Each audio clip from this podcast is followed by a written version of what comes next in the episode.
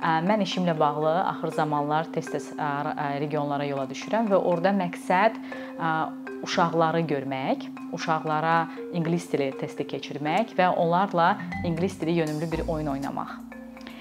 Bizim çox böyük marağımızın əhatəsindədir ki, uşaqların ingilis dili ilə vəziyyəti rayonlarda necədir və fərqlidir düzün desəm. Bakını regionlarla müqayisə etsək, problemlər çoxdur. Ümumiyyətlə ingilis dili tədrisini kənara qoysaq, regionlarda yaşayan uşaqların həyat tərzi də fərqlidir və o deməkdir ki, o uşaqlara başqa yanaşma da lazımdır.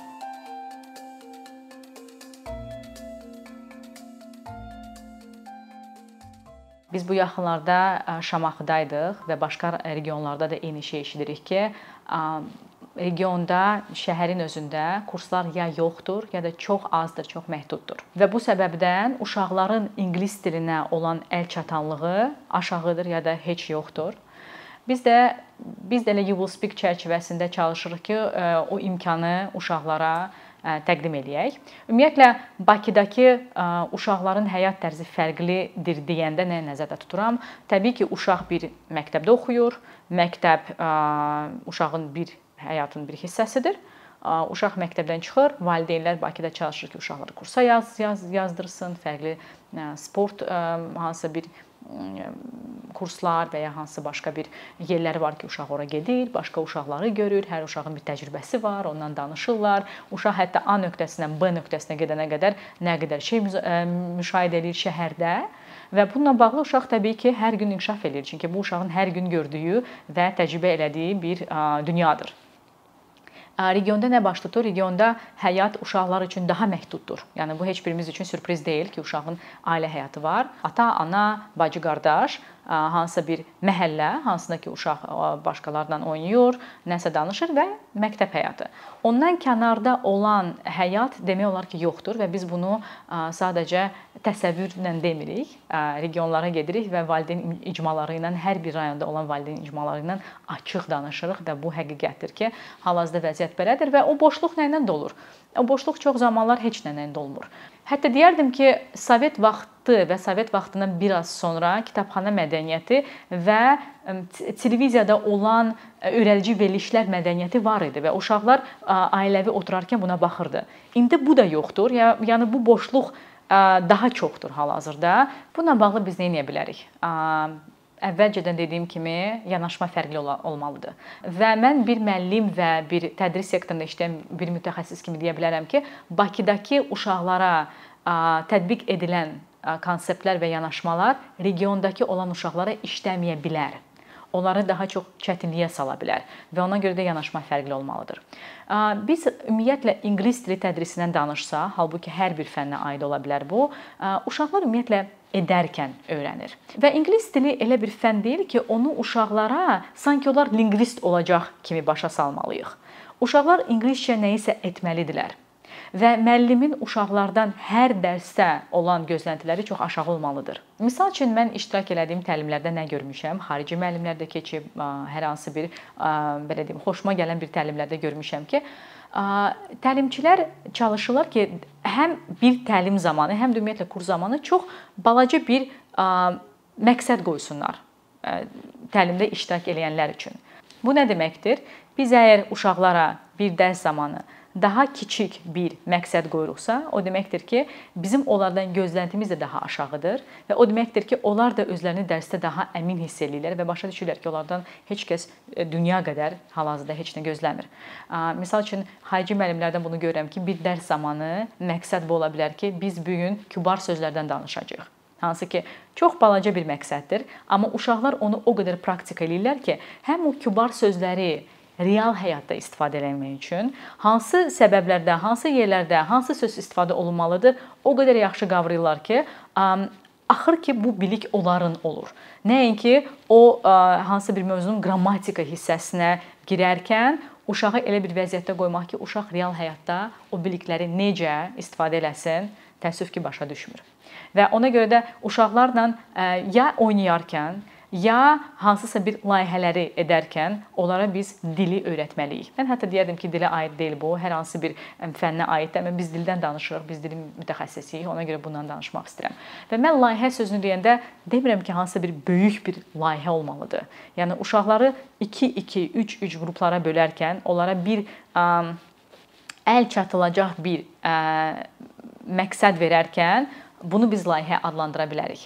Və uşaqlar burada 21-ci əsrin bacarıqlarını tətbiq edərkən həmin o balaca bir dərs boyu olan balaca bir layihəni yerinə yetirə bilirlər. Bu nə deməkdir? Kollaborasiya.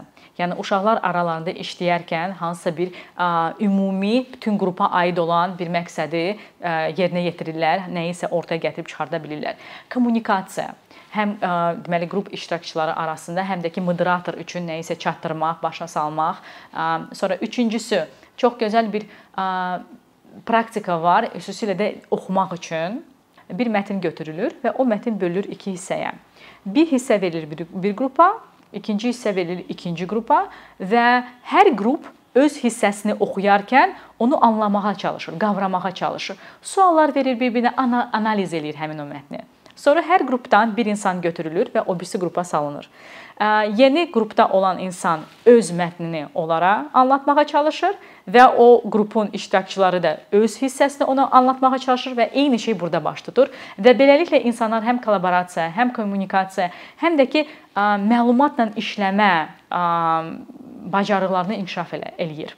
İndi isə gəlin bir addım arxaya gedək və baxaq dediklərim bu 1-2 konsept nə qədər regionlarda xüsusilə də keçən dərsdən, dərslərdə tətbiq olunan konseptlərdən, metodlardan fərqlidir. Və uşaqlara sadəcə nəyi, nəyisə danışarkən anlatmaq təəssüf olsun ki, işləmir.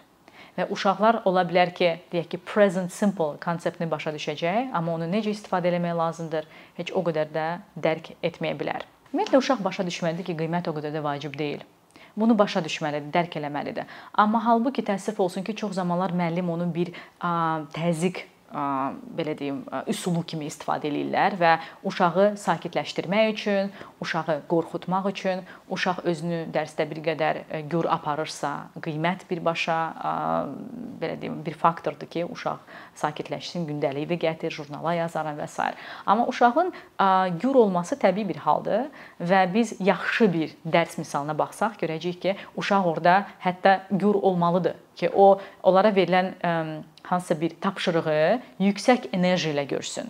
O deməkdir ki, uşaq dərsdə istədiyini eləyə bilər. Əgər müəllim düzgün moderatorluq eləyirsə, uşaq o dərsdə özünü həmişə bir çərçivədə aparacaq və biləcək ki, dərsin qaydası var. Bu da müəllimin bir məsuliyyətidir.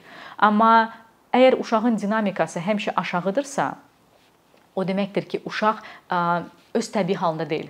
Uşaq isə təbii halında olmasa, təbii məlumatı qavraya bilməz və o və o deməkdir ki, uşaqla elə bil ki, bir böyük insan kimi danışır. Hətta böyük insanlar da biz özümüz bilirik ki, bir təlimə falan gedəndə bizə orada biraz oyatmasalar, biz orada bir qədər yatırıq, darıxırıq, çıxıb getmək istəyirik, telefona gedirik və bunun baş tutmaması üçün xüsusilə də uşaqlar üçün biz tamamilə başqa bir strategiyalar qurmalıyıq. Və qiymətlər yerinə bir gözəl bir söz var, gamifikasiya, gamification, yəni oyun yönümlü motivasiya vermə. Məsəl üçün biz Mehdiyabaddakı məktəbdə səhifə axırıncı səhifələrdə uşaqlara yapışqanlar səhifəsi etmişdik və uşaqlar heç nə əldə etmir bundan. Bu yapışqanı götürə bilmir, hətta oradan cıra, cıra başqa yerə yapışdıra bilmir. Halbuki yapışqanlar onlara o qədər motivasiya verirlər ki, ki daha çox cavab versinlər. Hətta bizim belə bir motivasiya sistemimiz var idi ki, hansı uşaq daha çox sual verdi, onun dərsin sonunda daha çox yapışqanlar olacaq və onlar hətta hərdən belə qəribə suallar verirdi, sanki sual versinlər, amma bu da bizim üçün işləyirdi. Sanki bizə orada ən vacib o idi ki, uşaq açılsın, sualları versin. O bariyeri keçsin ki, sual soruşmaq yaxşı bir şey deyil. Onu keçəndən sonra artıq məntiqli sualda gələndə uşaq artıq o sualı verir. Və ümumiyyətlə o sual gələ bilər ki, ümumiyyətlə bu nəyə görə vacibdir? Regionda ingilis dili zəifdir, vacibdir. Necəsə idarə olunur da. Uşaqlar ingilis dili zəif olsa da belə gəlirlər hazır Bakıya, universitetə girirlər, daxil olurlar, bir peşə tapırlar, işləyirlər və beləliklə hər şey əladır.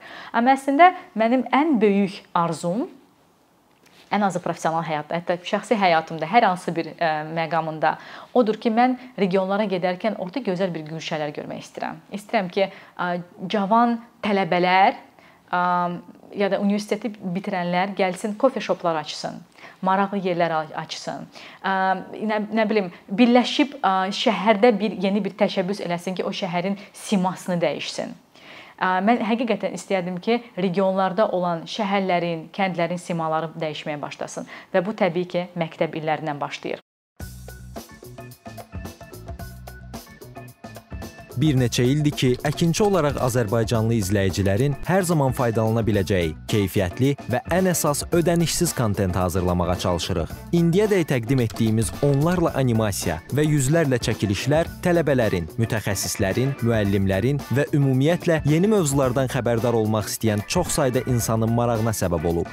Bu illər ərzində hazırladığımız videolar təhsil, texnologiya, ictimai fəallıq, iqtisadiyyat, gender bərabərliyi, ətraf mühit, ifadə azadlığı, hüquq, demokratik inkişaf, mədəniyyət və digər mövzuları əhatə edib. Məqsədimiz çoxlu baxış gətirən deyil, çoxlu fayda gətirən videolar hazırlamaqdır. Amma bu düşündüyümüz qədər asan deyilmiş. Gördüyümüz iş kifayət qədər resurs, əmək və təbii ki, davamlılıq tələb edir. Bu səbəbdən Patreon platformasından istifadəyə başladıq. Əkinçinin Patreon hesabının populyarlaşmasına çox böyük ümidlərimiz və gözləntilərimiz var.